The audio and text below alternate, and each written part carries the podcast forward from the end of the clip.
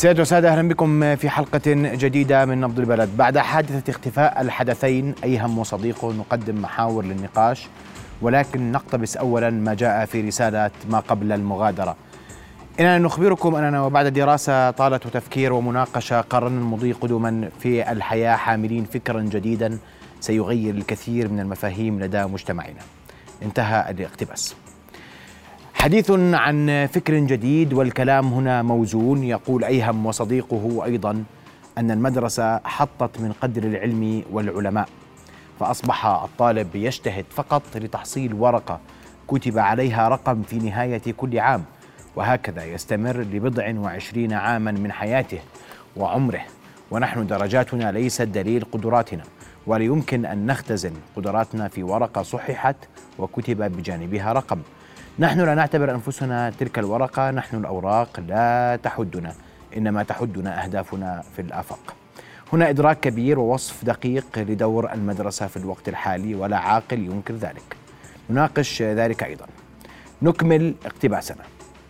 نحن لا ننكر جدوى النظام المدرسي في زمانكم فقط لأن المجتمع تطور وقتها من مرحلة العمالة في الفلاحة في أرض رب الأسرة إلى مرحلة الأمان الوظيفي وضمان الدخل في نهاية كل شهر. ولو كنا في زمانكم لاستثمرنا أنفسنا في المدارس على أمل تحصيل شهادة تضمن لنا وظيفة في المستقبل. لكن الآن الظروف اختلفت والحياة تطورت وآن لنا أن ننتقل لمرحلة جديدة تعنى بالاستثمار والعمل الحر. تساءل الناشطون عن صانع الرسالة وحجم الوعي فيها فهل ما زلنا ننكر وعي أبنائنا؟ نحن ذهبنا وأمامنا عدة أهداف أولها البحث عن عمل تجميع رأس مال يكفي لمشروعنا وثانيها حفظ كتاب الله وتعاهده في صدورنا وثالثها إتقان اللغة الإنجليزية ومهارات أخرى. أيهم وصديقه وضعوا أهداف وخطة ومنهجية. ماذا أمام أبنائنا اليوم وهل قدمنا لهم الوعي والإرشاد الكامل؟ ماذا تقدم المدرسة؟ ماذا يقدم الأهل؟ ماذا يقدم المجتمع؟ تفاصيل وتساؤلات مهمة نناقشها مع ضيوفنا الليلة. وأبدأ بالترحيب بأيهم العمري الفتى الذي تغيب عن بيته لأيام. أيهم مساء الخير. مساء النور. رؤيا بودكاست. أيهم يعني بدي أسمع منك الحقيقة كيف وردت لكم الفكرة. كيف فكرتوا أنكم تغادروا؟ كيف فكرتوا تتخذوا هذا القرار؟ ليش ما حطيتوا أهلكم بالصورة؟ هل فقدت فعليا أنت وزميلك وصديقك الإيمان بقدرة المدرسة على تحقيق أهدافكم؟ لوحدة نعم آه، فقدت الأمل بالمدرسة آه، بسبب آه، أنها كانت بنظرتي أنه بس تصنع عقلية محددة. يعني شو ما كان التخصص العقلية نفسها هي سواء كان مهندس طبيب أستاذ نفس العقلية. اللي هي العقلية بتعتمد على الدخل كمصدر آه، دخل آه، آمن اللي هو مصدر دخل للوظيفة.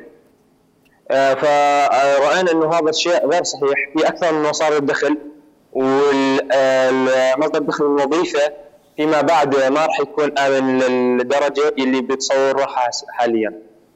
أيهم أنتم آه، في حديثكم ذكرتوا أنكم قرأتوا كتاب أو طلعتم كتابا يتحدث عن ذلك صحيح؟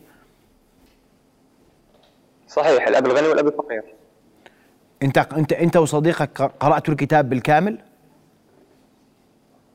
نعم إيش بيحكي الكتاب؟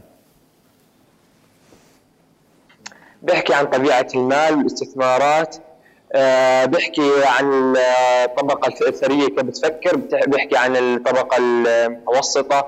إيش بيعلم الثري ابنه؟ إيش الفرق بين الثراء والفقر؟ طبعا الثراء هي فكرة هي عقلية وليست كثرة مال الثراء. طيب هل ناقشت هذا الكتاب مع معلمك مع والدك مع أصدقائك؟ آه ناقشت ناقشت الموضوع لكن ليس بالكتاب بذاته؟ يعني فكرة الموضوع الفكرة بشكل عام. آه، مثلا ناقشتها مع أستاذنا مع والدي. آه، كان يعني الرد يلي هو متوقع الصراحة. طب أيهم أنت غادرت غادرت المنزل؟ شو كان شو كانت خطتكم يعني؟ أول شيء لما غادرت المنزل كان كل أمل إني لما أرجع لأهلي أكون راجع لهم بقصة نجاح أكون راجع إني أفرحهم. آه، بشو كنت أفكر؟ آه، صراحة كنت أفكر بالمستقبل إيش بده يصير. فكر إيش بدي أعمل حاليا بعد هاي الخطوة. طب شو كانت أنت كنت بدك ترجع بقصة نجاح كنت بدك تغادر البلد تشتغل في البلد؟ ما فكرت كيف ممكن. والدك رح يقلق عليك؟ تابعت أخبار على مدى يومين؟ عم بتسألوا عنك أهلك وعم بتسألوا عنك الناس وعم بدوروا عليك؟ اولا بخصوص آه، أهلي أنا للخميس بالليل يعني خميس الساعة 11 الساعة 12 بالليل فتحت أول مرة النت خلال طلعه كاملة وعرفت آه، أهلي آه، كانوا قلقانين بخصوص الشغل كنت بدنا نشتغل إلى سن ال 18 بالبلد بعدها نهاجر لبرات يعني كانت نيتكم تهاجروا تغادروا الأردن. صحيح. طب يا أيهم آه، آه، قديش معدلك أنت في العام الماضي؟ أنت الآن صف عاشر صحيح؟ صحيح. قديش معدلك في صف التاسع؟ في العام الماضي بالصف التاسع 92 آه، ونص أتوقع. إذا يمكن أكثر يمكن أقل. بعشر يعني أنت من الطلاب اللي بتعتبر متفوق في في مدرستك مش هيك؟ في مدرستي بتقدر تقول جاي متوسط لا متفوق ولا متدني. طيب بدك تداوم بكرة على مدرستك أيهم؟ إن شاء الله. أنا وصديقي راشد مع مساعدة اجتماعية. مش مفهوم مرة أخرى أيهم لو سمحت. بدنا نداوم بكرة بس بإشراف آه، أخصائية اجتماعية.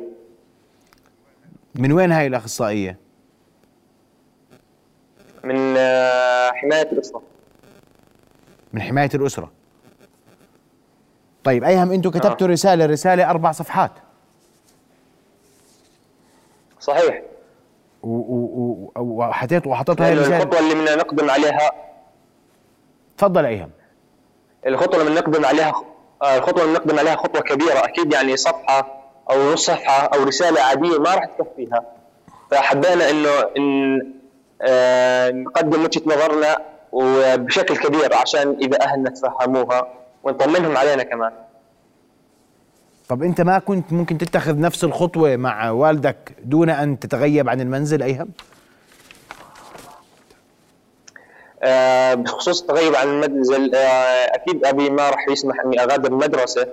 لأنه كانت المدرسة تاخذ أكثر من نص يومي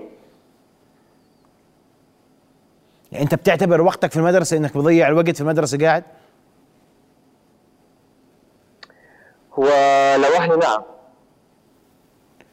معلش ايهم أنا بحكي معك في شوية تفاصيل الرسالة اللي بين إيدينا اليوم رسالة تدل على وعي كبير و تدل إنكم أنتم شباب عارفين إيش بدكم إلى حد ما رغم رغم إنه الطريقة قد لا نختلف قد نختلف فيها لكن لغة الرسالة وأسلوب الرسالة يدل على انكم شباب ناضج وواعي ومدرك لما يفعل. ففي جملة أمور صاحبت هذا التصرف غير مفهوم اسمح لي. فأنا بدي أسألك سؤال آخر. اسمح لي يا إيهم. تفضل. أنتوا بتقول لي كنت تدور على شغل أنت وصديقك في في الأردن صحيح؟ صحيح. في أي جانب في اي في أي مكان كنت بدك تشتغل؟ يعني إيش كنتوا بتفكروا تشتغلوا؟ هو أول خطة كانت نزل على العقبة نشتغل بمينا. وبما إنه العقبة مدينه سياحية فما راح تطفي راح تضل شغال 24 ساعة. لكن لما وصلنا لغد المجمع الشمالي طلعنا مجمع الجنوب اكتشفنا إنه بتها هوية طلع بالباصات. فأنا ما كان معي هوية بس راشد كان معه هوية. آه يعني أنت ما قدرتوا توصلوا للعقبة كنتوا كان هدفكم توصلوا للعقبة. صحيح. طيب لما فتحت تليفونك أول مرة وجدت إنه كل الجميع بدور عليكم شو كان إجراءك يا ايهم كان إجرائي. أول شيء طمن أهلي. تواصلت معهم يعني؟ هو أول شيء بعثت رسالة خلال صديق من طريق صديقي إلى أهلي اطمنهم علي. بعدين الساعة تقريبا 4 الفجر آه، تحدثت مع والدي. حكيت مع والدك فجر الجمعة. فجر الجمعة صحيح. شو شو شو كان الكلام اللي بينك وبين الوالد؟ آه، كان الوالد آه، بده يخليني أرجع. كان حرفيا جدا حزين ومشتاق لي بكثرة. صراحة أنا كان ردي شوي بارد وندمان عليها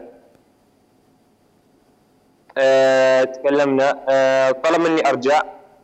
وافقت بس بشروط. إيش هي شروطك كانت؟ آه هي موجودة حاليا على حساب راشد بالفيس أول شيء كانت آه ترك المدرسة. آه ثانيا آه إذا لما نرجع ما ما يتدخلش الأقارب فينا. وأول ما نرجع كان لقاء بيني وبين آه أنا وراشد وأبوي وأبو راشد. وكان نقطة أخيرة إنه لما نصل يدعموا مشروعنا معنويا وماديا. إذا إذا قدروا ماديا بس كنا نأمل معنويا. التزم الوالد بالشروط هاي يا إيهاب؟ والصراحة ما كمل كتابة أو مناقش بالموضوع لأنه شحن تلفوناتنا خلص فكنا بنحطهم بالشاحن بالجامع آه لما وصلنا للجامع آه اعتقلنا الأمن البحث الجنائي لما وصلتوا على الجامع اعتقلكم؟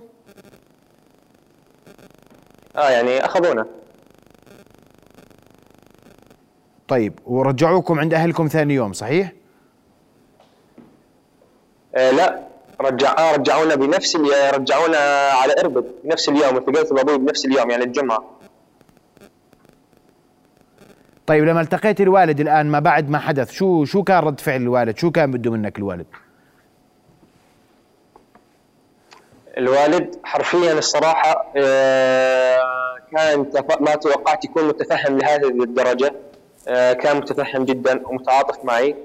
آه صراحة يعني كان هو كان نقطة أنا متفق معه كانت خطأ اتخذتها آه كان جدا مشتاق. طيب أيهم ضيوف الكرام معي في, في الاستوديو الدكتور ذوقان عبيدات الخبير التربوي والدكتور عبد الرحمن المزير الطبيب النفسي. بدي أرحب فيهم بحضورك. ابقى معي أيهم. مساء الخير دكتور ذوقان مساء الخير دكتور عبد الرحمن.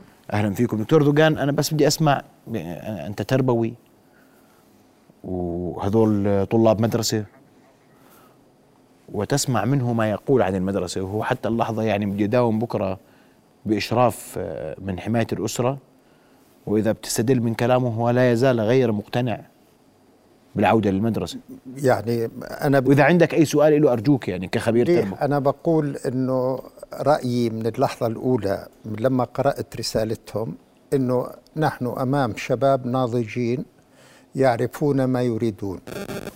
لكن الإجراء اللي اتخذوه ممكن أنه يناقش أنه بكير عليهم كذا أو نقنعهم أنه مواصلة التعليم ستقودهم. يعني مو شرط التعليم الجامعي إنهاء التعليم الثانوي سيقودهم إلى وضع أفضل من خروجهم من الصف العاشر.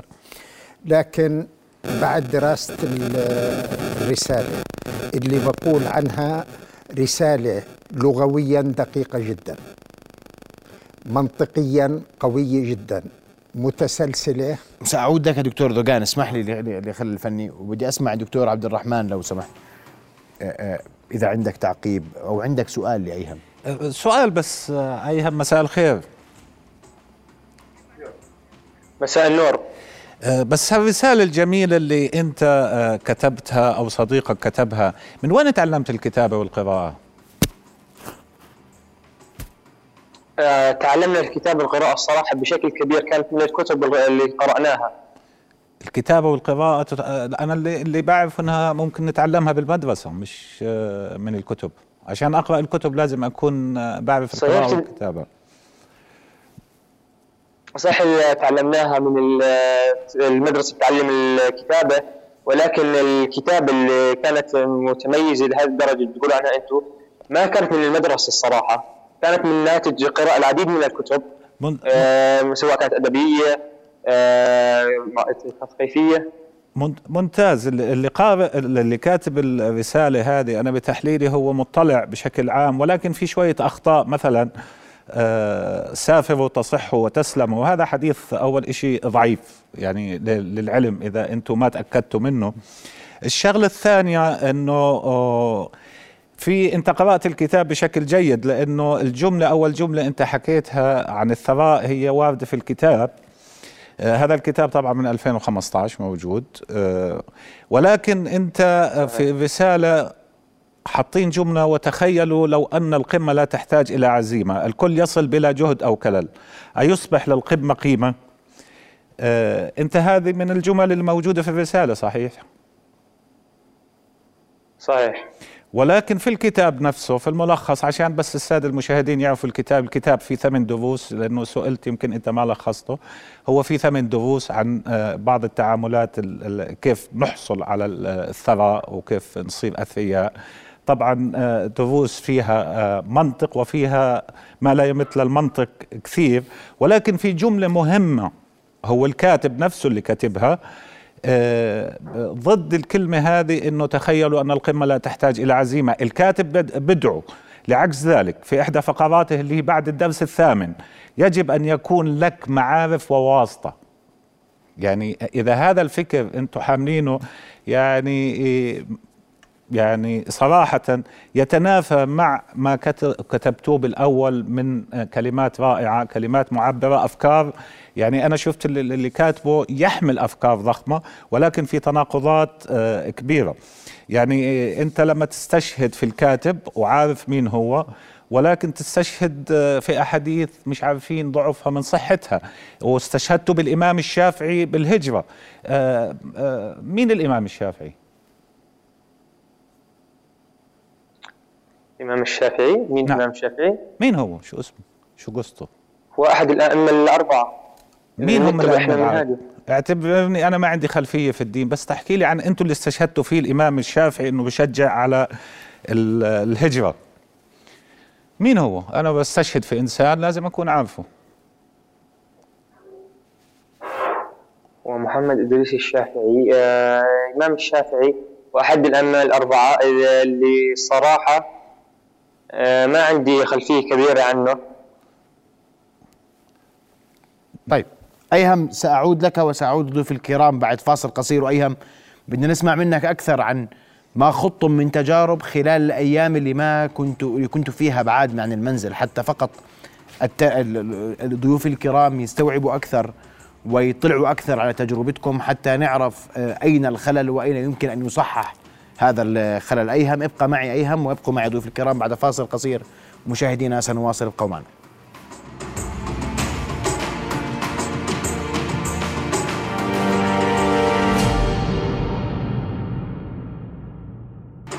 نواصل لحلقة الليلة ورحب من جديد بالفتى أيهم وأيهم. بدي بس في سؤال أخير اسمح لي أيهم.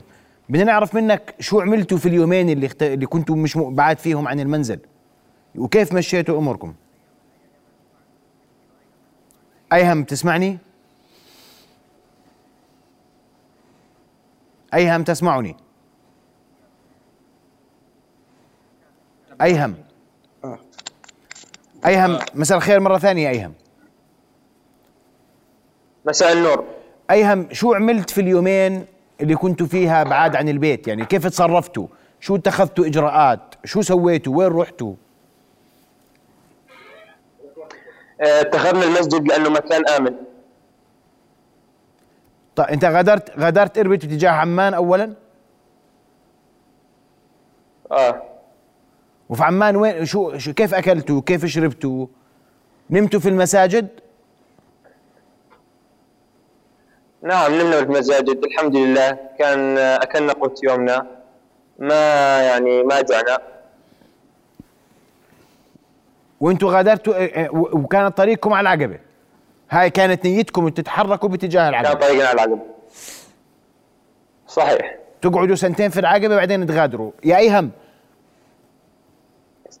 نعم. كنتوا ناويين تتواصلوا مع الأهل آه، حال وصولكم العقبة مثلا؟ آه لما نستقر نعم. كنا نتواصل مع الأهل. بعد أن تستقروا. نعم. طيب اليوم أنت بعد أن عدت إلى المنزل قارك اليوم استمرار التعليم حتى الثانوية العامة؟ إن شاء الله. واتفقت مع الوالد على هذا الحديث؟ آه نعم. طيب بدي أشكرك كل الشكر يا ايهم على وجودك معنا. وراح نرحب بوالدك بعد قليل الأخ أبو ايهم وأنا بدي أسمع رأيك دكتور دوغان الآن. أنا يعني في إشي مش راكب عندي. بقول لك ألقينا القبض عليهم. اختفوا. من هو الإمام الشافعي؟ كثير بنستشهد كل الناس تستشهد أفكر فأنا موجود كما قال ديكارت. لكن ما بيعرفوش من هو ديكارت. لكن الجملة اللي قالها أشهر من أنه أعرف مين ديكارت شو اسم أمه وولاده وين قرأ وين كذا. لذلك أنا بعتذر عن أي كلمة يمكن أن توجه لهؤلاء الشباب بما يعني أنهم متهمين بفعل ما. أنا إذا بدي أحكي قانونا قانونا بعد الصف العاشر بحق للطالب يترك المدرسة. قبل الصف العاشر ما بحق له يترك المدرسة لأنه عندنا تعليم إلزامي. التعليم الإلزامي يلزم البقاء في المدرسة عشر سنوات. إذا يعني هناك خطأ قانوني. لكن هم برسالتهم وأنا بعتقد اللي كتب الرسالة الطالب اللي اسمه راشد صبح. وواضح إنه راشد صبح يعني متمكن جيدا. وبقول أرجو أن تخاطبونا بمعايير العقل لا بمعايير العاطفة. بمعايير العاطفة هم يعني نقدر نقول أهلكو شو صار بأهلكو؟ ما حسبتوا حساب لأهلكو. لكن بمعايير العقل بدي أقول ما الذي دفع هؤلاء الشباب لأن يتركوا المدرسة القضية؟ مش قضية كتاب غني وفقير. هم قروا عشرين كتاب غير الكتاب هذا. هم قروا الكتب المدرسية اللي بندفع عليها آلاف. الكتاب هذا حقه خمس دنانير. مش الكتاب اللي أثر عليهم. اللي أثر عليهم علاقة التوهين اللي موجودة بين الطالب وبين المدرسة بين الطالب وبين المعلم. ما في علاقة بين الطالب والمدرسة إلا علاقة السلطة. هذه العلاقة تجبر الطالب على طاعة المعلم وعلى حفظ المادة التي يقولها المعلم. الشباب اكتشفوا أنه هذه المادة بتلزمنيش يعني لا تساعدني واختصروا الطريق. آه انت ذكرت بعض تفاصيل. جزء مما أوردوه نعم. ما أوردوه. لكن أخي محمد يعني اللي أوردوه في عمق في عمق يعني بقول لك 12 سنة دراسة وأربع سنين جامعة للوصول إلى شهادة وجلوس بالبيت. الاتجاهات العالمية الحديثة هلأ بتطالب باختصار مدة الدراسة الثانوية ومدة الدراسة الجامعية. فشوف قديش يعني إنه طلبهم محق. لما أقول إنه بحثت هم برسالتهم بحثت عن مشروع عمل لم أجده في المدرسة. طيب كيف جلس هذا الطالب عشر سنوات في المدرسة دون أن تقنعه المدرسة بأن هناك ما يستحق البقاء في المدرسة؟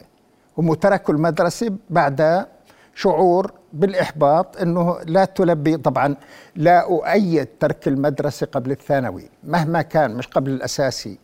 يعني قبل الثانوي لا يجوز ترك المدرسة لأنه التعليم استثمار. أتخرج من الثانوي وأشتغل بزيد دخلي أكثر من لما أتخرج من الإعدادي وأشتغل. أتخرج من الجامعة وأشتغل بزيد دخلي أكثر. بارتقاء التعليم يزداد الدخل. إذا المسألة إذا كنا نبحث عن دخل بشكل منفصل الدخل يحققه استمرار التعليم أكثر. ما طبعا مش بالمطلق في ناس ما بدرسوش وبيطلعوا فلوس كثير بس بشكل عام التعليم استثمار. آه، لما يقول لك وهذا نقد عجز عنه الخبراء التربويين.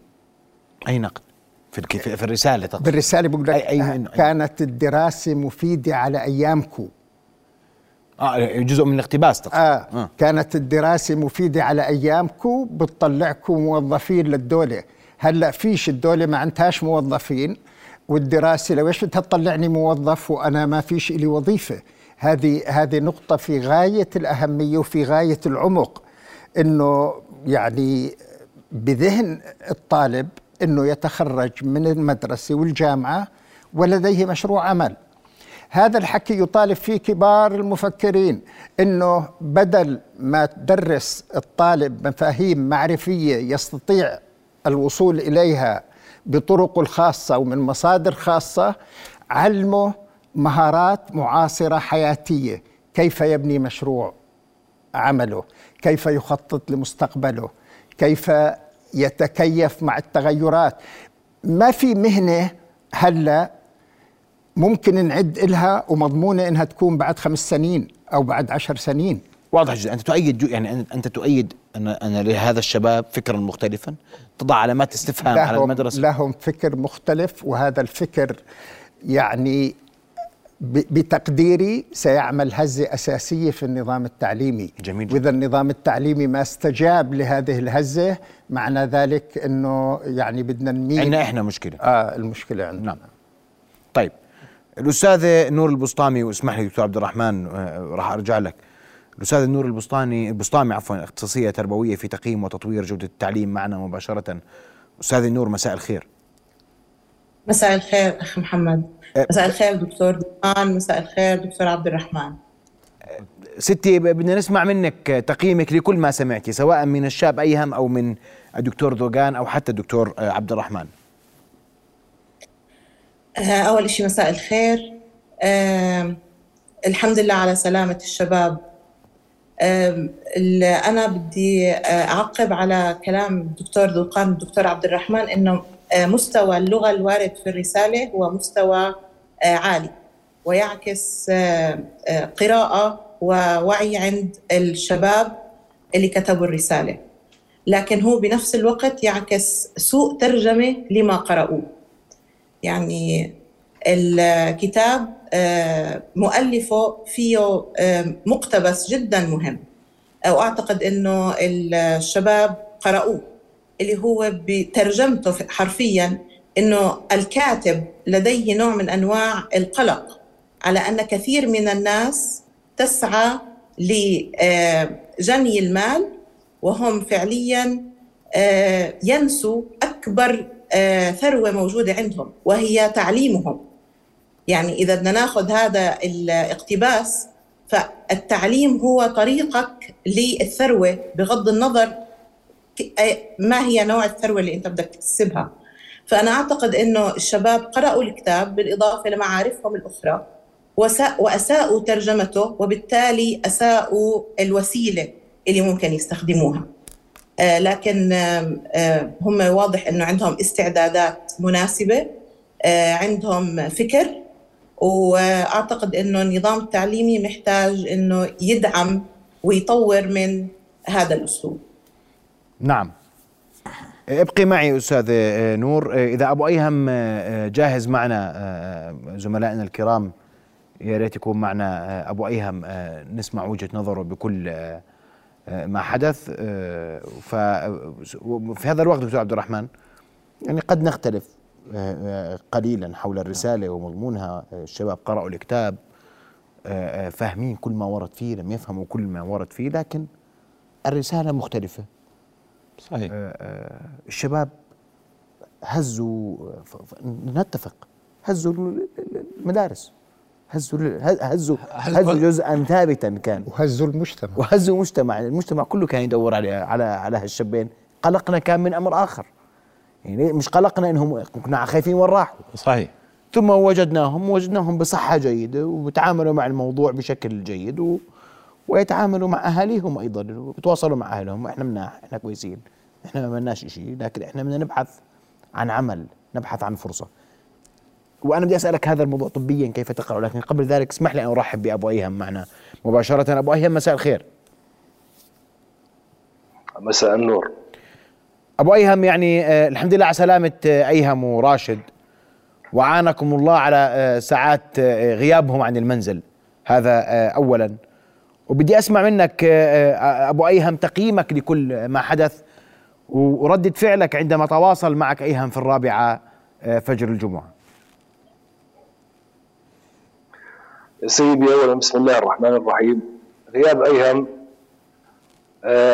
كان مفاجئ للجميع وهو اللي دفعنا إنه نثير هاي الضجة لأنه ما عهدنا عند أيهم مثل هاي التصرفات. أيام كان ناقش معي موضوع المدرسة قبل هيك وشرحنا مع بعض إنه الدراسة مرحلة المرحلة الدراسية هي مرحلة مهمة وما في مجال للنجاح إذا ما تابعها وما أكملها. ولكن يبدو إنه كان عنده فكر غير هيك وكان متشبث بفكره. آه، اعتقدت للحظة إنه يعني اقتنع من الحديث اللي دار بينه وبينه إنه بنكمل المرحلة الأساسية وبعديها بنطلق في أي مجال أنا بدي إياه. لأنه المرحلة هاي مرحلة مهمة ومرحلة لا يمكن الاستغناء عنها. لكن يبدو أنه وزميله كاينين يعني متفقين آه، قبل هيك. وراسمين خطة يعني ونفذوها. ولكن انصدم بالواقع. انصدم بالواقع. أقلقنا جميعا. ويعني أنا محرج فعلا من يعني من المجتمع كامل إنه انحطينا بموقف مثل هيك. يعني إحنا مش مبسوطين بالموقف اللي حطينا فيه. ولا إحنا سعداء فيه. ولكن قدر الله وما شاء فعل. ايهم أقلقنا وأقلق مجتمع كامل. آه، حتى إنه ينفذ فكرة إجته ل يعني فترة معينة وحاول يطبقها. ما استشار حدا إنه ممكن أنفذها أو لا أو إنها ممكن تزبط أو لا. اعتمد هو زميله على فكرتهم وعلى رأيهم فقط. آه، آه، أبو أيهم أنا بقدر إحراجك لكن يعني وان وإن كنت محرجا. يعني أيهم حرك الكثير في في المجتمع هو وزميله. وأنا سؤالي أبو أيهم تواصل معك أيهم الساعة الرابعة صباحا وأنت أبلغت الجهات المعنية مش هيك؟ نعم هي الجهات الأمنية كانت على متابعة من البداية. ويعني التواصل بيني وبينهم يعني إنه قبل ما يتواصل معي أيهم أنا كنت على علم إنه تحت أعين الآن الأجهزة الأمنية. وكانوا محددين مكانه تقريبا وبيتابعوه خطوة بخطوة. نعم. أبو أيهم عندي استفسار بسيط لأنه الأزمة هذه انتهت لكن الفكرة في رأس هي أيهم موجودة. كيف راح تتعامل معها اليوم؟ يعني أيهم واضح أنه مختلف قليلا إن صح التعبير في تفكيره. يريد أن يصل إلى هدف آه، يعني أمامه هدف على أقل تقدير ويبحث عن وسيلة للوصول إلى هدفه. فأنت شو الإجراء عندك أبو أيهم اليوم؟ سيدي يعني بدنا نرجع لموضوع الحوار مع ايهم ايهم بيرفض فكرة الموظف. من البداية بيحكي أنا ما بدي أصير موظف المدرسة ما بتطلعني غير موظف. آه، بناقش أنا وايام بحكي له إنه يعني أنت يعني بالإمكان إنك تكون موظف وبنفس الوقت في عندك مشروعك الخاص، بإمكانك إنك تفتح مشروع خاص ولكن بالبداية يعني لازم تكمل مرحلتك الدراسية سواء المرحلة المدرسية أو المرحلة الجامعية. يعني هاي مراحل مهمه لا يمكن النجاح بدونها. وإن شاء الله يعني هو رايح يقتنع بالموضوع. والامور طيبة إن شاء الله. إن شاء الله كل الأمور طيبة يا أبو أيهم. إن شاء الله. أنا أبو أيهم بدي أشكرك كل الشكر على آه، وجودك معنا الليلة. أنت وايهم هذا اولا. وأشكر صراحتك وجرؤتك في الحديث آه، مع الأردنيين ورسالتك اليوم مهمة جدا أبو أيهم فبدي أشكرك كل الشكر على حضورك معنا. سيدي يعني أنا بهالمناسبة أنا ممتن لجميع لجميع يعني أبناء الشعب وممتن لجميع الأجهزة الأمنية. الجميع تعامل معنا يعني بمهنية عالية من الأجهزة الأمنية. ما حدا قصر معنا والحمد لله رب العالمين. كان تعاملهم معنا لطيف جدا ومهني جدا. يعني ولكن واقع وعشناه يعني كان مفروض علينا ومفروض عليهم. والحمد لله رب العالمين. نعم. بدي أشكرك كل الشكر مرة ثانية أبو أيهم. شكرا على وجودك مع وجودك معنا الليلة. سأعود لك دكتور عبد الرحمن بعد فاصل قصير. فقط أنوه للجمهور الكريم اننا حاولنا التواصل مع أيضا الشاب راشد للاستماع لوجهة نظره ورأيه ولكن رفض المشاركة وهذا حقه ونحترمه ونقدره. سأسمع منك دكتور عبد الرحمن بعد فاصل قصير. فاصل ثم نواصل. ابقوا معنا.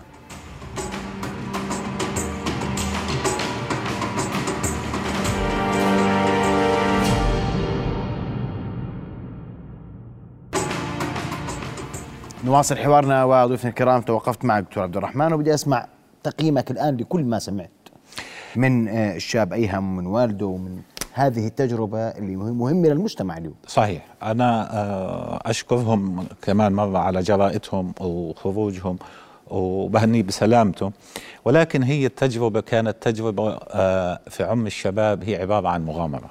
كانت مغامرة. هم قرأوا هالكتاب شافوا فيه تطلع تطلع كل شاب على فكرة. يعني هذا الكتاب إذا بيشوفوا كيف طرق الثراء وكيفية الثراء هو تطلع كل شاب موجود وإحنا مجتمع فتي ومجتمع شباب. يعني هذا بخاطب جزء كبير من مجتمعنا. ولكن يعني التساؤلات اللي ممكن تسأل آه، مقابل هذه. إنه أترك المدرسة. طب شو البديل عندك؟ آه، اعمل خطة بديلة. حطي الخطة يعني الخطة البديلة خلينا نتفق يا دكتور إنه هذول الشباب نظروا طلع أنت وين؟ طلعوا على العقبة. يعني, يعني لما يقول لك أنا كنت بدي أتحرك على العقبة. صحيح. مركز اقتصادي. والعقبة يعني منطقه اقتصادية. بس ما هو ما بيستقبل ما بيستقبلك إلا أنا معك. مهنة.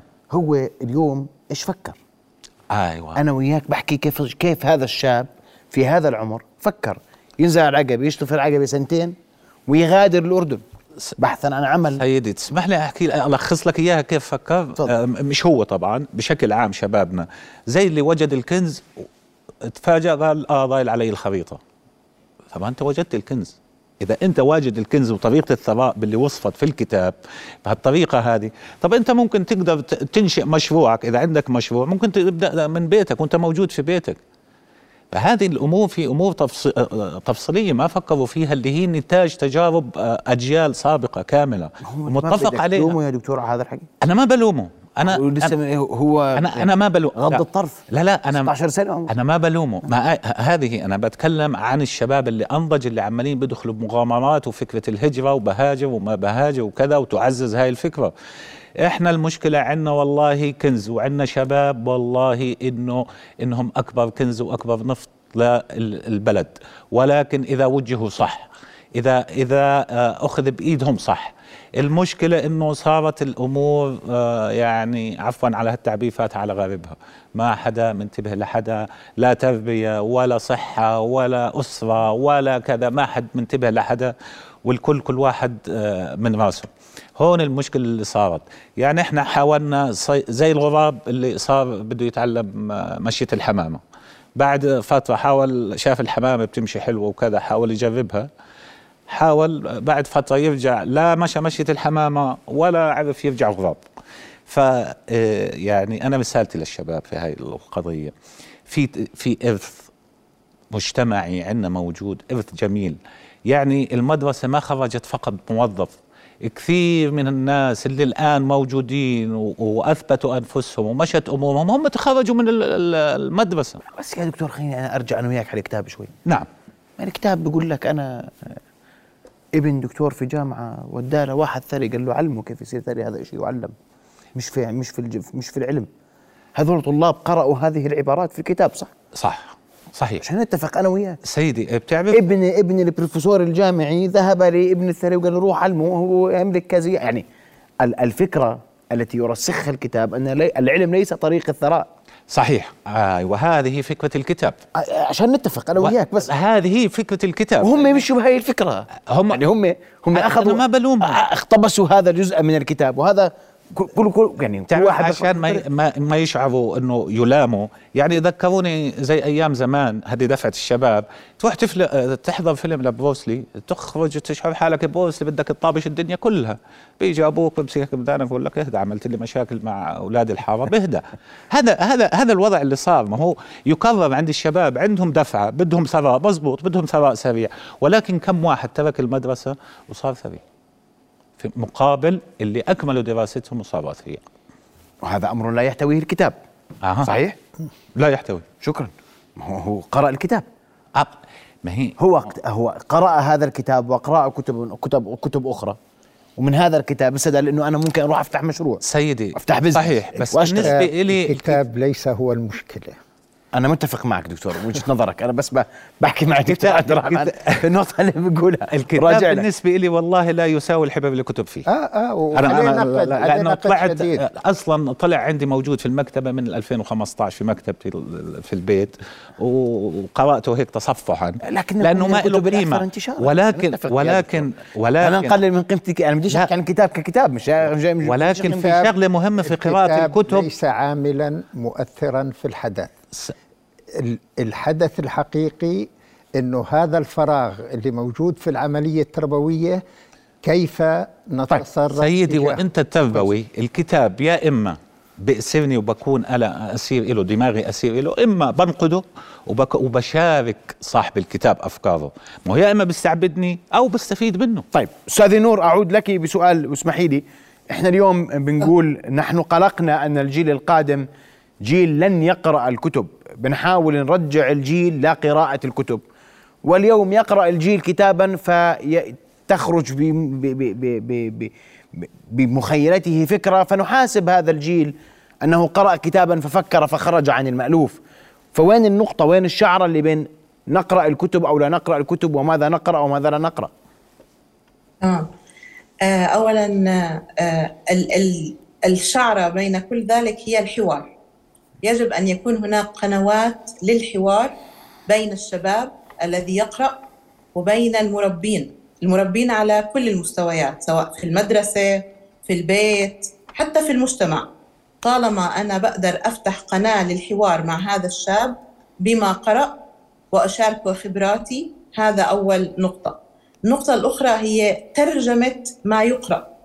لأنه ما أقرأه أنا ممكن أن أترجمه بطريقة مختلفة عن طريقة لو أنت قرأته أو لو أيهم قرأه آه، خبراتي بتختلف عمري بيختلف عمره هو بيختلف طموحاتي بتختلف. كل هاي الأمور آه، تلعب دور في كيفية القراءة وماذا نقرأ. آه، عندما كنا صغارا وكنا نقرأ كتب كان جزء من قراءة الكتاب هي نبذة عن المؤلف. يجب أن أنا أعرف آه، من ألف هذا الكتاب؟ ما هي نشأته؟ آه، من أين جاء؟ آه، غالبية الكتب اللي عم بقرأها شبابنا مترجمة وبالتالي تنقل فكر ممكن يكون مش هو الفكر المناسب ولا يتم موائمتها عند الترجمة مع مجتمعاتنا ومع ما نحن موجودين عليه. كل هاي العوامل بتلعب دور. آه، أنا حابة كثير أرجع للكتاب بموضوع أنه هو يقول أن المدرسة ليست الطريق إلى الثراء هو يقول أن المدرسة ليست الطريق الوحيد إلى الثراء. آه، بيركز جدا على موضوع الثقافة المالية financial literacy. ويقول أن الثقافة المالية عند الشباب غالبا ما تؤخذ من المنزل. ولهذا فالطفل الذي ينمو أو ينشأ في منزل من الفقر يتعلم الفقر من المنزل لا- لأنه لا يتعلمه في المدرسة. فممكن أن يكون هذا جزء من الأمور اللي ممكن نست- نستدل منها أن نكثف من الثقافة المالية التي تدرس داخل المدارس بحيث أنها تكون في نهج أكاديمي واضح يستفيد منها الجميع. فلا يكون ال- التفكير المالي فقط مم آه، يستمده ال- الشاب من من بيئته أو من المنزل اللي جاي منه لا. هو يدرس أكاديميا كما تدرس الرياضيات والعلوم والآداب وبالتالي ال ال ال تدرس الثقافة المالية. نعم. وهي حاليا جزء أساسي من الامتحانات الدولية في العالم كله. Financial literacy يتم آه، آه، اختبارها دوليا آه، في أكثر من امتحان. دولي. هذا كلام مهم جدا. نعم. وبدي اشكرك كل الشكر الاختصاصيه في التربوية في تقييم وتطوير جوده التعليم من نور البسطامي. بدي أشكرك على حضورك معنا وهي أوضحت نقطة مهمة وإحنا اليوم في ثقافة حتى في المجتمع المال بيولد مال صح؟ نعم. الذكي ابنه ذكي الدكتور ابنه دكتور صحيح. زي ما بنقول الوزير ابنه وزير ما هي حقائق اليوم في المجتمع. فيعني لا تلوموا الأطفال ولا تلوموا هدول لا ما الشباب. بلومهم. لا ما حد ما حد بلومهم حتى إنهم فكروا بهي الطريقة لأنه والدي ناجح أنا ناجح. آه هي موجودة. صحيح صحيح صحيح. صحيح يا دكتور؟ وهي ثقافة موجودة اليوم. أنت هل تغير في في في الدراسة وفي التعليم هذه الأفكار وتشعر الطلبة على مقاعد المدرسة هدف أنك التعليم. قادر على خلق فارق. هذا. هدف التعليم. مم. يا سيدي أنا بدي يعني أعبر عن حالي بوضوح. أرجوك.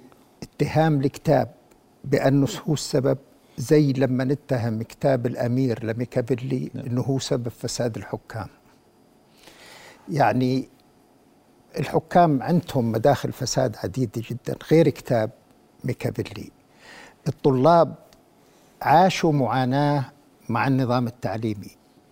وعبروا عنها فلقوا هوى في هذا الكتاب. يعني الكتاب كان تصديق زي ختم على معاناة الطلاب وليس حافزا ودافعا للطلاب. اثنين أنا بتمنى أنه الأهل أبو أيهم وأبو راشد أنه يعاملوا أبنائهم مش معاملة إلقاء القبض عليهم. وبتمنى المدرسة أيضا ما تعاملهم معاملة جبناكوا غصب عنكوا ومنورجيكوا هلأ. لذلك يعني لم يفعل ما يتوجب عارا لا على المدرسة ولا على الأهل. بالعكس هناك من يفتخر بهذه الهزة ولا يوافق على السلوك طبعا ما حدا بيوافق على سلوك ترك المدرسة. لكن الهزة اللي أحدثاها في النظام التعليمي وفي المجتمع يجب أن يفتخر فيها آه، الطلبة والمدرسة ومعلموها وأهاليهم. هلأ بقولوا هم مجرد طالبين قروا الكتاب يعني لو ما قروا الكتاب بكون النظام التعليمي بخير؟ اثنين هذول قروا الكتاب ولا ما قروا الكتاب عبروا عن ظاهرة موجودة لم يعبر عنها أحد إلا بعض الخبراء قبلهم. يعني كتبنا كثير عن عيوب النظام التعليمي لكن الطلاب بهذه الجرأة وبالخبرة المباشرة يعني هم منغمسين في النظام التعليمي ولذلك كلامهم أكثر صدق من كلام الخبراء اللي بيحكوا يجب علينا ومش يتوجب علينا. هم عاشوا المعاناة وعبروا مش عن اثنين عبروا ربما عن اتجاه كبير موجود في المدارس. ما بعرفش قديش حجمه لكن هذا الاتجاه يجب أن يظهر ويجب أن يضعنا أمام السؤال. الطلبة يقولون النظام التعليمي كيت كيت. الخبراء بقولوا هيك هيك كبار المسؤولين بالأردن قالوا هيك هيك. الاختبارات الدولية قالت النظام التعليمي هيك هيك. في حشد من الأدلة اللي بتقول ماذا يجب أن نعمل لهذا النظام التعليمي. جوابي بتحب هلأ ولا؟ بدقيقة ارجوك آه النظام التعليمي يجب أن يدخل في طوارئ منذ أول أمس ويدرس الأحوال يجيب علماء النفس ويجيب علماء الاجتماع ويجيب علماء التربية ويجيب علماء الاقتصاد ويدخلوا بورشة حقيقية لإصلاح التعليم مش مثل ورشات الحكومة اللي بتسويها. ورشة يختار المشاركين فيها وفق معايير غير المعايير اللي اعتادت عليها الدولة. ولذلك يكونوا عندهم الجرأة واضح. في في الحديث ومش حديث مجاملة ومشان معاليك ودولتك وكذا. بدك ناس يكون عندهم الجرأة يكونوا على الأقل وبحكي بأمانة لنرتقي إحنا وياهم إلى مستوى هؤلاء الطلبة اللي هزوا النظام التعليمي. جميل. دكتور عبد الرحمن. سيدي وأنا مهم جدا كيف نتعامل مع طلابنا ومع أبنائنا. ممتاز. هي هي المشكلة إذا بدنا نلخصها هي ناتجه عن فراغ فكري. حقيقة فراغ الفكري الفراغ الفكري تلقائيا بيؤدي إلى التقليد الأعمى. صحيح. فأي كتاب أي اتجاه أي شيء ممكن ياثر مباشرة. إحنا عندنا تقاليد إحنا عندنا ثقافة عندنا مناهج مجربة من الأول وكانت ناجحة. يعني في في الآخر يجب إعادة آه، الفرمة كلها للنظام التعليمي والنظام النفسي الصحي لأنه له دور كبير. نظام إحنا إحنا بعاود بحكيها إحنا جيل الموجود عندنا جيل شباب بحاجة تكون نفسيتهم فاهمين شو شو شو المتطلبات شو الفكر الناضج والفكر اللي مش ناضج كيف أتعامل مع الأفكار. يعني في للأسف هذه مغيبات عنها وزارتين مهمات اللي هي وزارة التعليم وزارة الصحة ووزارة الشباب إذا موجودة. والله لا أعلم إذا موجودة ولا لا بس يعني آه هذول يعني في كلام. والله لا أعلم يعني حقيقة لا أعلم موجودة ولا لا. بس بس موجودة موجودة. والله عمل عملنا لهم منهج شبابي راقي لحماية الشباب طيب. ولم يلتفتوا إليه. واضح جدا. إحنا فقط ما نريده من هذه الحلقة والرسالة هي أن آه، ما فكر به آه، الشابان أيهم آه، وراشد. ممكن منطقي معقول لكل شاب الحق بأن يحلم وأن يفكر خارج الصندوق ولكن يجب أن يتخذ الإجراء بطريقة أفضل حتى لا يقلق أهله ولكل الحق في اختيار طريقه أيا كان ونأمل السلامة للجميع والتوفيق للجميع. ضيوف الكرام كل الشكر لحضوركم معنا. رؤيا بودكاست.